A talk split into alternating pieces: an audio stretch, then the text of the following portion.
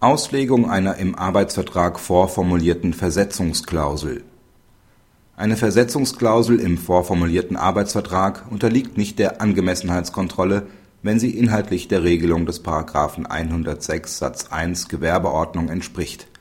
Ob das der Fall ist, ist im Wege der Auslegung zu ermitteln. Der Arbeitnehmer ist Wirtschaftsprüfer und Steuerberater einer bundesweit tätigen Wirtschaftsprüfungsgesellschaft Seit Abschluss eines neuen Arbeitsvertrags 1994 ist er Bereichsleiter (Partner Stufe 3) der Niederlassung Leipzig. Dies wurde im Arbeitsvertrag unter § 1 Satz 1 bestimmt. In § 1 Satz 2 behält sich die Arbeitgeberin vertraglich vor, den Arbeitnehmer anderweitig einzusetzen und zu versetzen, sofern Geschäftsnotwendigkeiten dies erfordern. Als es zum Streit über die Fähigkeiten des Arbeitnehmers zur Personalführung kommt wird er im Mai 2007 in die Niederlassung Frankfurt als verantwortlicher Sales-Partner versetzt. Diese Position ist nicht mehr mit Verantwortung für Personalentscheidungen verbunden. Der Arbeitnehmer klagt gegen diese Versetzung und verlangt, wieder als Bereichsleiter in Leipzig beschäftigt zu werden. Der Arbeitnehmer obsiegt in den ersten beiden Instanzen. Das BAG gibt der Revision der Arbeitgeberin statt und verweist die Sache an das LAG zurück bei Beurteilung einer als Versetzung bezeichneten Maßnahme ist zunächst zu ermitteln, welche Regelungen der Arbeitsvertrag hinsichtlich Inhalt und Ort der Arbeitstätigkeit trifft. Enthält der Vertrag keine konkreten Festlegungen des Inhalts der Leistungspflicht, also der Tätigkeit des Arbeitnehmers, ergeben sich die Rechte des Arbeitgebers zur Zuweisung einer bestimmten Tätigkeit an einem bestimmten Ort aus seinem Direktionsrecht.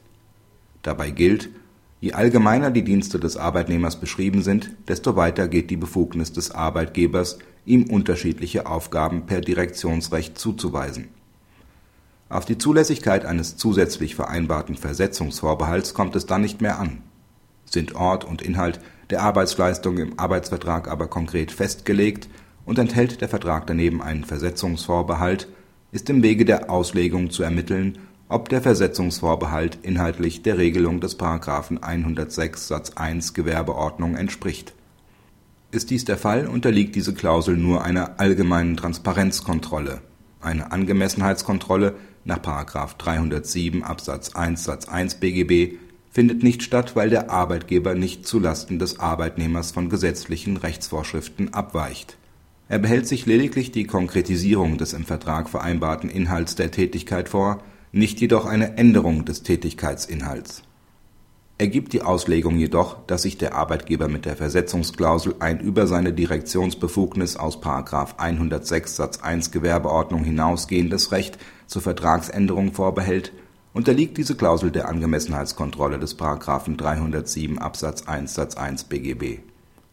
Das LAG hat diese Auslegung nicht vorgenommen es hat insbesondere nicht erklärt, ob die vertragliche Regelung des § 1 Satz 1, wonach der Arbeitnehmer als Bereichsleiter der Niederlassung Leipzig tätig werden soll, den Inhalt der Arbeitspflicht konkret festlegt.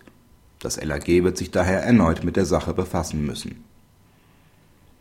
Praxishinweis Die vom BAG vorgenommene Differenzierung und Auslegung der Versetzungsvorbehalte ist künftig bei der Vertragsgestaltung zu beachten Will sich der Arbeitgeber größtmögliche Flexibilität erhalten, sollte er die Leistungspflichten des Arbeitnehmers nur allgemein beschreiben.